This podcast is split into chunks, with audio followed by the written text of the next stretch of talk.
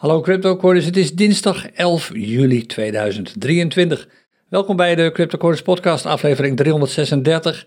Het begint er allemaal steeds meer bullish uit te zien voor Bitcoin. Steeds meer Bitcoin charts beginnen wat groener te worden. De trends worden meer en meer bullish. En je ziet dat ook terugkomen in het rapportcijfer. Dat staat, en dat hebben we lang niet gezien, uh, op een 7 op dit ogenblik. Nou, je weet het, één zwaluw maakt nog geen zomer. Je wilt uh, echt een paar dagen op rij zo'n hoge rapportcijfer zien. Maar een 7 is structureel een stuk hoger dan al die drieën en tweeën die we de laatste weken voorbij hebben zien komen. Dus laten we hopen dat dat nog een paar dagen zo blijft. Wat gaan we doen vandaag? Uh, relatief weinig, want er is niet al te veel nieuws te melden. Bovendien uh, zijn we bezig met het voorbereiden van heel veel content voor de komende paar dagen. We gaan het even hebben over de charts. Voordat ik dat doe, even wat nieuws van buitenaf. En voordat ik dat doe, even wat nieuws van binnenaf. En dan hebben we het wel zo'n beetje gehad vandaag. En trouwens, als deze podcast live staat, ik denk rond een uurtje of elf, is Kevan alweer bezig met een stream. Namelijk een live opname van zijn trading dagboek. En dan gaan we het onder andere hebben over Bybit en over derivaten en over traden voor gevorderden en nog veel meer. Komt allemaal zo meteen. Eerst even wat uh, intern betreft. Nou, Binance stopt in Nederland. Dat zal je niet zijn ontgaan. Aanstaande maandag, 17 juli, dan is het echt voorbij wat Binance betreft. Dan kun je eigenlijk als Nederlander niet veel meer op Binance. In ieder geval als Nederlander die in Nederland woont. Dan kun je niet veel meer op Binance. Je kunt je crypto er nog van afhalen, maar daar stopt het wel min of meer mee. Er lopen misschien nog wat trades door of wat, uh, wat earns door, wat, uh, wat rente die je pakt op staking en zo. Maar op een gegeven moment stopt dat ook een keer. Naar mijn mening is het eigenlijk gewoon gebeurd en zul je eigenlijk gewoon afscheid willen nemen en zorgen dat je daar niets meer doet op dat ogenblik. Dus gewoon crypto eraf enzovoort. Overigens, mijn mening. Voor de zekerheid, je wilt altijd onderzoeken wat voor jou natuurlijk het beste is. We proberen je daarbij te helpen. Je hebt ongetwijfeld al wat gehoord van onze speciale pagina ervoor. Uh, www.cryptocoiners.nl slash stopt in Nederland. Op die pagina een overzicht maakt van de vier handelsplatformen die wij gaan gebruiken. Wij bij CryptoCoiners in plaats van Binance.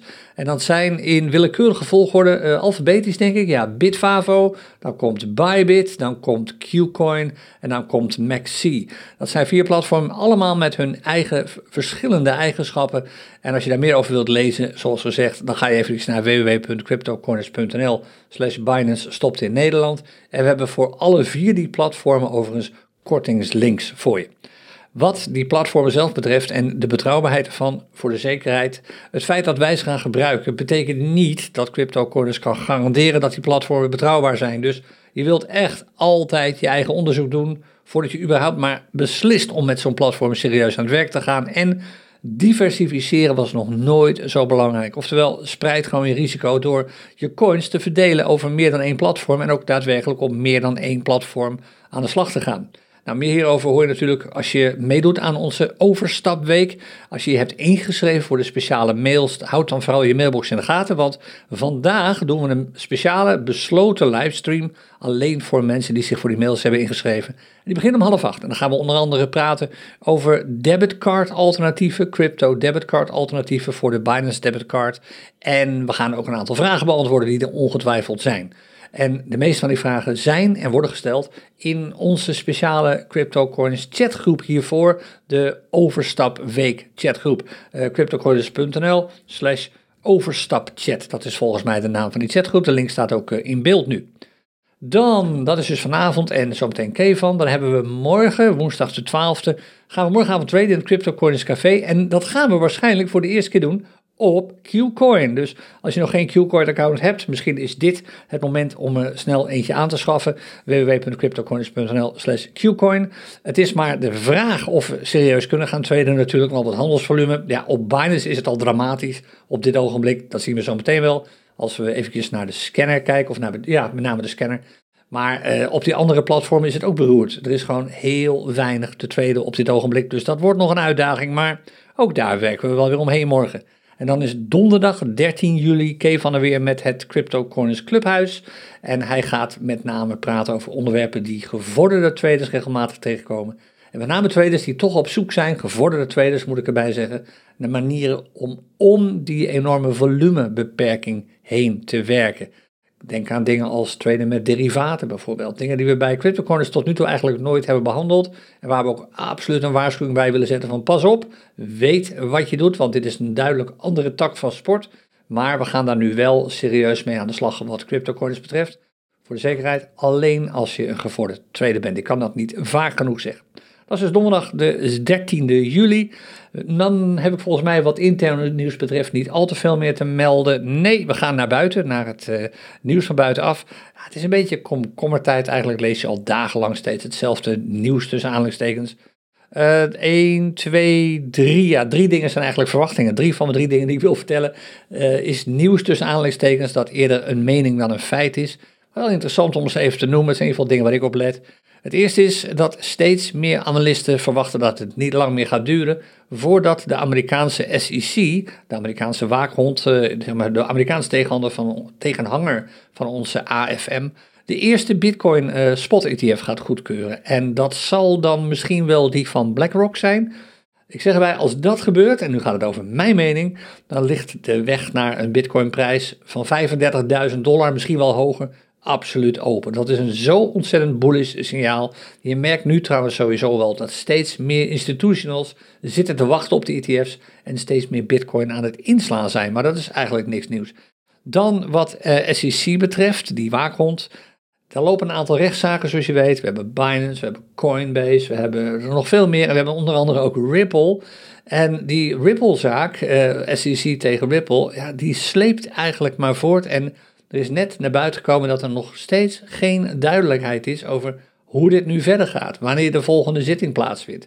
Wanneer er uiteindelijk eens een keertje een oordeel door de rechter wordt geveld. Beide partijen zijn nog heel hard bezig met het naar boven halen van, aanhalingstekens openen, bewijsmateriaal, aanhalingstekens sluiten. Om te zorgen dat ze de rechtszaak winnen. Op dit ogenblik liggen de meeste kaarten bij um, Ripple en niet bij de SEC. Dan, uh, oh, dit vond ik wel een hele aardige. Uh, als je al wat langer bij CryptoCoins bent, dan ken je waarschijnlijk wel het boek uh, Rijke Pa, Arme Pa, of in het Engels Rich Dad, Poor Dad, geschreven door Robert Kiyosaki. En deze man uh, staat erom bekend dat hij regelmatig uitspraken doet, volledig anti-Amerikaanse dollar. hij heeft het vaak, ook al kan hij behoorlijk hard schreeuwen, vaak wel bij het rechte eind. Daar moet je heel eerlijk in zijn. En hij heeft nu weer een, mooie uitspraak gedaan. hij zegt, mensen, koop goud, koop zilver en koop bitcoin, want binnenkort gaat de inflatie door, dak, door het dak en de Amerikaanse dollar die gaat naar de kelder. Daar blijft straks helemaal niets meer van over. Nou, doe ermee wat je ermee wilt doen. Maar je weet het, als je opnieuw al wat langer bij de cryptocurrency community zit, je wilt waarschijnlijk alles aan doen om je koopkracht zo goed mogelijk op peil te houden. En is dat door je geld in euro's op een spaarrekening te hebben staan met een inflatie die veel, veel, veel hoger is. Een veelvoud van zelfs. De rente die je op dit ogenblik krijgt op je spaarrekening, misschien niet. Wil je op dit ogenblik in aandelen stappen? Waarvan heel veel aandelen op dit ogenblik misschien wel veel te hoog geprijsd zijn als je kijkt naar de waarde ervan. Misschien niet. Misschien wil je toch serieus overwegen om met bitcoin, zilver en goud aan de slag te gaan. En wat goud betreft, dat kan zelfs al in digitale vorm, want er bestaat een token uh, op de Ethereum blockchain, eigenlijk gewoon een coin dus, als je het simpel wil zeggen. Dat is PAXG, P-A-X-G, Paxos Gold. En achter elke Paxos Gold token ligt een echt stukje goud, een zogenaamde Troy ounce goud, 31,2 gram is dat, opgeslagen in een grote kluis in Londen bij Brinks.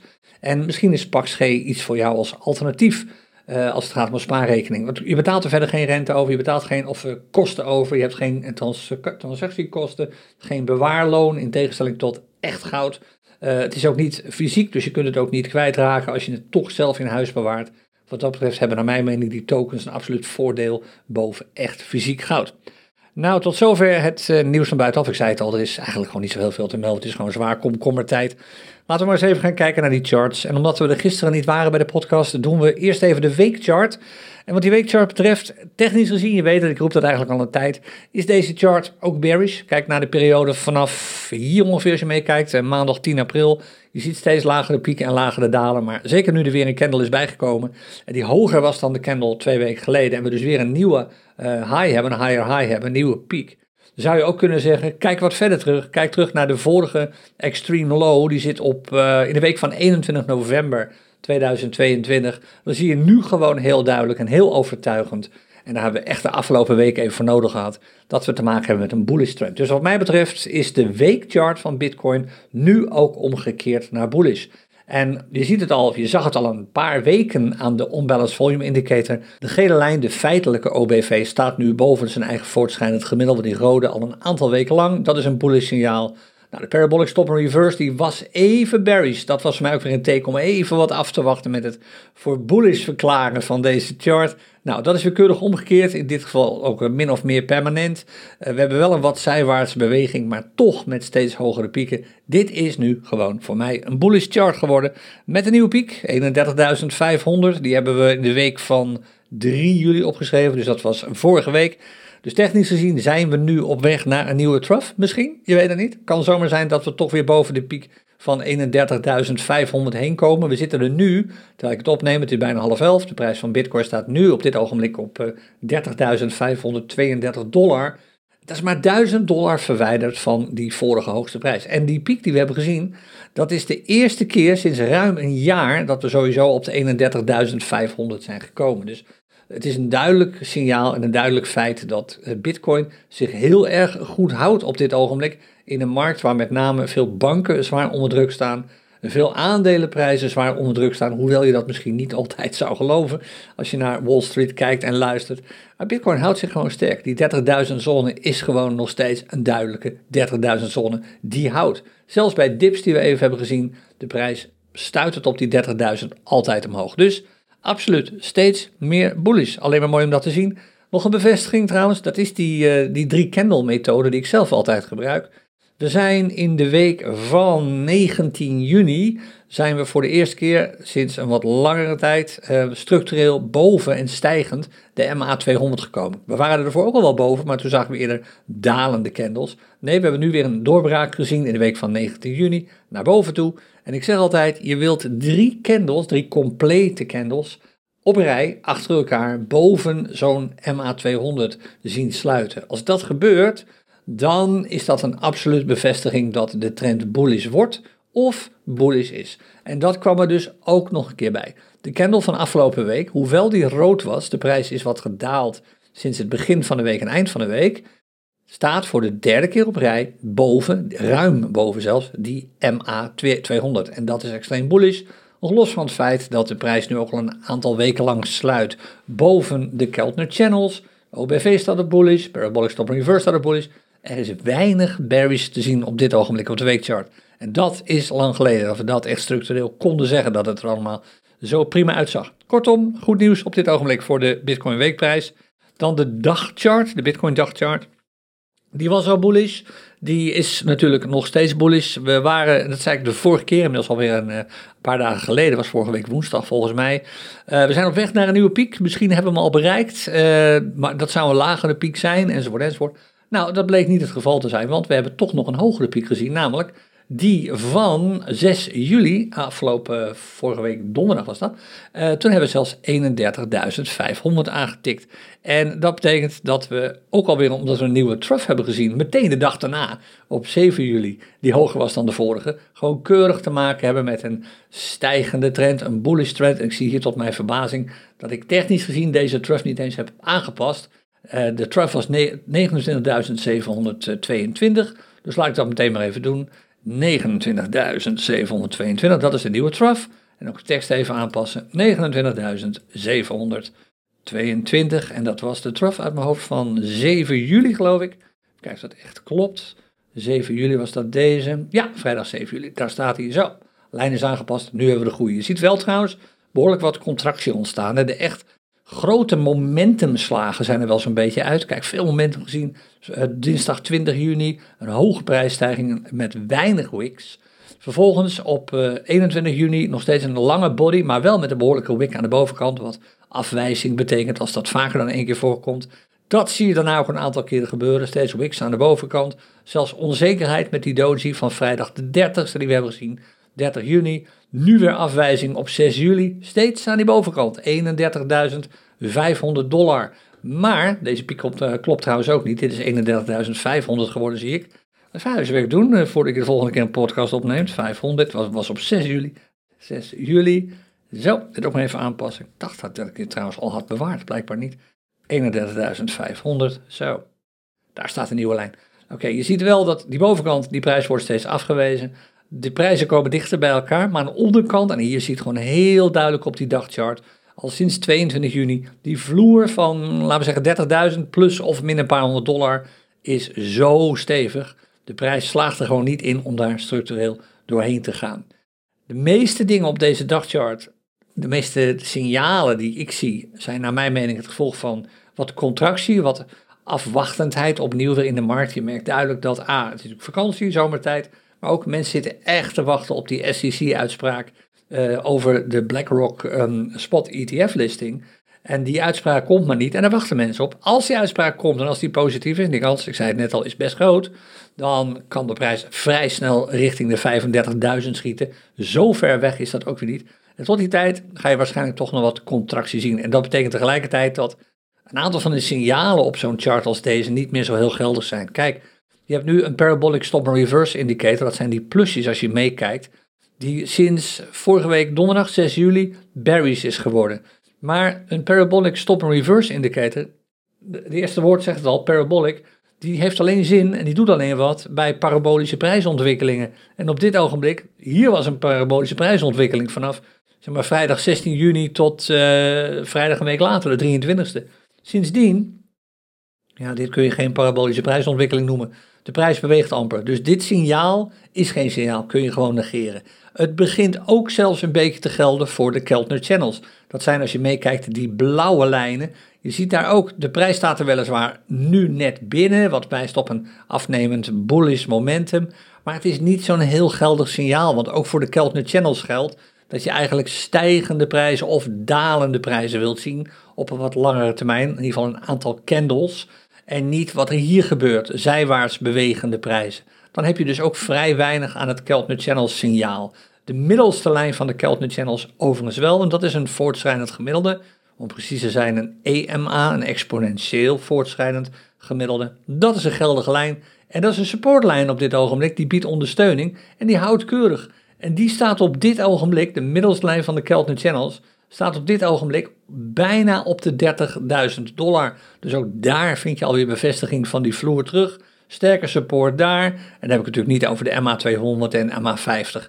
Die MA200, daar staat de prijs echt al heel, heel, heel lang boven. De laatste keer dat de prijs er ook maar even onder is gedoken, en dat duurde nog niet eens een dag, dat was uh, eh, 10 maart, een paar maanden geleden. En de laatste keer dat de prijs er echt structureel onder zat, dat was uh, op 13 januari van dit jaar. Toen heeft hij er wel lang onder gestaan. Kijk maar, als je terug scrolt, dan zie je dat we er kwamen vanaf een duikvlucht sinds die all-time high. In maart 2022 kwam daar nog even een retracement op. Maar daarna is de prijs er eigenlijk al die tijd onder gebleven. Meer dan een jaar hebben we eigenlijk structureel onder die prijs gehangen. En, of bijna een jaar. En pas vanaf januari dit jaar zitten we alweer boven die MA200. Nu is het signaal echt wel heel erg duidelijk. Uh, kijk maar naar die weekchart. We zijn weer lekker bullish. Gelukkig maar. Hoe zit het op die urenchart? Ook bullish, maar ja, dit wisselt voortdurend. Je ziet het aan de crosses van de MA20 en de MA50. Afgelopen zaterdag dook de MA50 door de MA20 heen. Toen liepen ze een tijdje parallel. Dat zie je niet zo heel vaak, dat ze echt over elkaar heen lopen. Een aantal uren op rij. En dat laat gewoon het keiharde bewijs zien dat de prijs niet beweegt. Er is gewoon nauwelijks een serieuze prijsbeweging aan de gang op dit ogenblik. Ze liggen nu ook relatief dicht bij elkaar. Wel weer een echte cross gezien op uh, afgelopen, gisteren, afgelopen maandag om uh, eh, 5 uur s ochtends. En nu weer, die was bearish. En nu weer een cross, die kwam uh, gisteravond om 10 uur. Die was bullish met een mooie parabool hier op de urenchart. De urenchart is ook bullish. Dus een bullish urenchart op dit ogenblik zegt nu niet zo heel veel, want de dagchart is al bullish. Een bullish weekchart prima op dit ogenblik. Een voorbode voor een bullish maandchart? Je weet maar nooit. We gaan dat over een paar weken zien als we dan die charts erbij pakken. Het ziet er allemaal echt, zoals ze zegt, een stuk groener uit. Mooi om dit eindelijk weer mee te maken. En dan nog even goud. Nou, goud was even aan het afdalen, aan het afglijden natuurlijk, ook omdat er weer wat reuring kwam op eh, Wall Street. Veel aandelen eigenlijk maar zeven, deed het heel erg goed. En de rest van de aandelen uh, werd in, de, in het sentiment meegesleurd, hoewel het daar heel beroerd mee ging natuurlijk, of nog steeds meegaat. Goud reageert daar ook op, want dan vluchten mensen liever in meer rendement als wel aandelen. Maar dat begint langzaam maar zeker terug te kaatsen. Ook wat minder vertrouwen in de dollar op het ogenblik zie je al terugkomen in de goudprijs. Die begint weer wat te stijgen en je zou zelfs kunnen zeggen dat de dagchart voor goud alweer een bullish trend heeft met hogere highs en hogere lows. En als die trend echt overtuigend bullish wordt, oftewel als de prijs boven de 1985 uitschiet, wat niet zo heel ver weg is, 50 dollar ongeveer, dan gaan we op weg naar een nieuw goudrecord. Kan eigenlijk niet anders. Hoe Hoe zit het op Wall Street, de Fear and Greed Index? Nou, daar zijn we relatief snel klaar mee, want we praten er eigenlijk elke keer al over. Naar mijn mening totaal nonsens cijfer op dit ogenblik, wie de waarde. Dit gaat echt nergens over. Extreme hebzucht op Wall Street, klopt, als je naar deze indicators kijkt. Maar het is allemaal gebaseerd op, eh, ja, niet fake nieuws, want het nieuws is echt wel waar, maar... Er wordt heel veel vergeten op dit ogenblik door handelaren. Kijk, het laatste beetje goede nieuws dat kwam, dat zie je trouwens als we teruggaan even naar de Bitcoin chart, ook meteen hierin terugkomen, uh, waren de inflatiecijfers. Die werden gisteren gerapporteerd, ik geloof rond een uurtje of vijf, onze tijd. En kijk wat er gebeurde, hop, dan gaat de Bitcoinprijs omhoog met best wel een flinke hoop, 2% in een paar uur tijd. Dit is een reactie op het feit dat de inflatiecijfers in Amerika minder slecht zijn dan men had gevreesd. En dat zie je ook dus een beetje terugkomen op die Fear and Greed Index. 78 extreme hebzucht. Naar mijn mening veel te hoog, maar het is wat het is. Uh, een hoop optimisme. Dat is het enige wat ik er verder over kan zeggen. Hoe zit het met de heatmap op dit moment? Die is uh, overtuigend groen, waarbij veel altcoins op dit ogenblik sterker zijn gestegen in prijs dan Bitcoin. Bitcoin 1,5% in de plus sinds gisteren. En moet je eens kijken, BNB, eh, de Binance Coin, bijna 7% in de plus. Solana ook bijna 7% in de plus. Ook uh, Litecoin bijna 6% in de plus. Sterk stijgende munt op het ogenblik. En zelfs Ripple doet het eigenlijk op dit ogenblik nog maar iets, maar toch beter dan Bitcoin. En wat betekent dit dan voor de Crypto Coins Barometer? Altijd leuk om die erbij te pakken. Als de meeste altcoins sinds gisteren om deze tijd duurder zijn geworden, duur, meer duurder zijn geworden dan Bitcoin, dan betekent het waarschijnlijk dat de dagbarometer in de plus staat. Kijken of dat ook daadwerkelijk zo is. Uh, ja, 1,6% in de plus. Uh, eh, 4 uur laat weinig volatiliteit zien. Ook 1 uur laat weinig volatiliteit zien. Dit is dus iets om echt goed mee op te passen. En je ziet dat ook terug als je naar, ik kijk nog steeds naar Binance wat dat betreft. Als je op Hypertrader even kijkt naar het aantal charts met, uh, op Binance met een handelsvolume van meer dan 50 bitcoin de afgelopen dag. Dat zijn er maar 13. 13 handelsparen met een volume van meer dan 50 bitcoin. Dat is dramatisch. Dat is zo weinig volatiliteit. Is lang niet gezien. En dit verklaart A, waarom het soms op Binance al lastig is om te traden. En B, waarom het natuurlijk ook super lastig is om op andere platformen te traden. Die volatiliteit. Het volume kan beroerd zijn, maar als de volatiliteit zo laag is, als de prijs gemiddeld van al die altcoins, als je het met Bitcoin koopt, nauwelijks heeft bewogen, dan weet je gewoon van oké, met Bitcoin valt op dit ogenblik niet echt goed te traden. Eh, om als Bitcoin als basismunt, omdat er gewoon nauwelijks prijsbewegingen zijn voor hele korte trades. En eigenlijk zie je voor dollar trades hetzelfde. Als je met de dollar als basismunt gaat traden, wat we misschien morgen zouden kunnen doen op Qcoin, uh, daar zit wat meer volume in, dan zie je dat het ook niet lekker loopt, want ook daar is het afgelopen uur maar een gemiddelde prijsstijging van een procent geweest. En de afgelopen vier uur weliswaar 0,3 procent, maar dat is ook niet zoveel. Maar hier zie je natuurlijk keihard bij de Change One Day voor de dollar charts de heatmap terug. Dit laat gewoon zien dat alles zwaar in het groen staat. Dus als je geen zin hebt om naar de heatmap te kijken en je hebt wel de CryptoCoin scanner, dan zou je gewoon eventjes de barometer voor de dollar kunnen opvragen. En dan zie je, als die in de plus staat, staat bijna altijd ook de heatmap in de plus. De berekening is iets anders. De heatmap neemt wat meer coins mee natuurlijk, dus dat kan er af en toe wat roder uitzien. Maar over het algemeen komen ze heel erg eh, overeen met elkaar. Nou, tot zover de, de barometer. Dan nog even snel de trend erbij van de dollarmarkten. Vorige keer, uh, eh, 5 juli was dat, toen zaten we flink bullish, 37% bullish. Dat is een beetje veranderd en dat heeft alles te maken met het feit dat we toch wat tipjes hebben gezien en met name de kortere charts reageren daarop. En je ziet dat we nu nog maar, tussen aanhalingstekens, 4,2% bullish zijn. Zal weer stijgen, zeker als we de heatmap een paar dagen lekker groen zien zijn en we nog wat meer stijgende altcoins gaan meemaken, dan gaan die trends best wel weer omhoog. Je ziet dat de bullish charts ook meer bullish zijn dan dat de bearish charts bearish zijn. Kijk, de tiende plek is nog steeds bijna 8, uh, 97% bullish, terwijl de tiende plek van de bearish charts maar 94% bearish is. Oftewel, er zit duidelijk meer groen sentiment in de markt dan rood sentiment op het ogenblik, maar het is net aan bullish op het ogenblik. Ik denk niet, nou, dat is pure verwachting, waar je verder ook niks mee wil doen. Ik denk niet dat dit tussen nu en over een paar dagen bearish wordt. Ik denk eerder dat het meer bullish wordt. Als je gewoon eens kijkt naar hoe die charts zich uh, op dit ogenblik uh, eigenlijk bewegen, als ze natuurlijk bewegen. Want, dat moet ik ook bij zeggen, als er weinig beweging is op charts, weinig volatiliteit, wat we dus nu zien, dan is dat niet goed voor een trendsignaal. Je ziet dan niet duidelijk meer welke kant het nou eigenlijk opgaat. En de CryptoCoin scanner kijkt puur analytisch naar trends en pakt gewoon de, de laatst beschikbare high, de laatst beschikbare low, om te bepalen of een trend nou wel of niet, en met name de laatst beschikbare swing high en de laatst beschikbare swing low, om te bepalen of een trend nou wel of niet bullish of bearish is. En als hij dat niet goed duidelijk kan zien, dan heeft hij die informatie gewoon niet.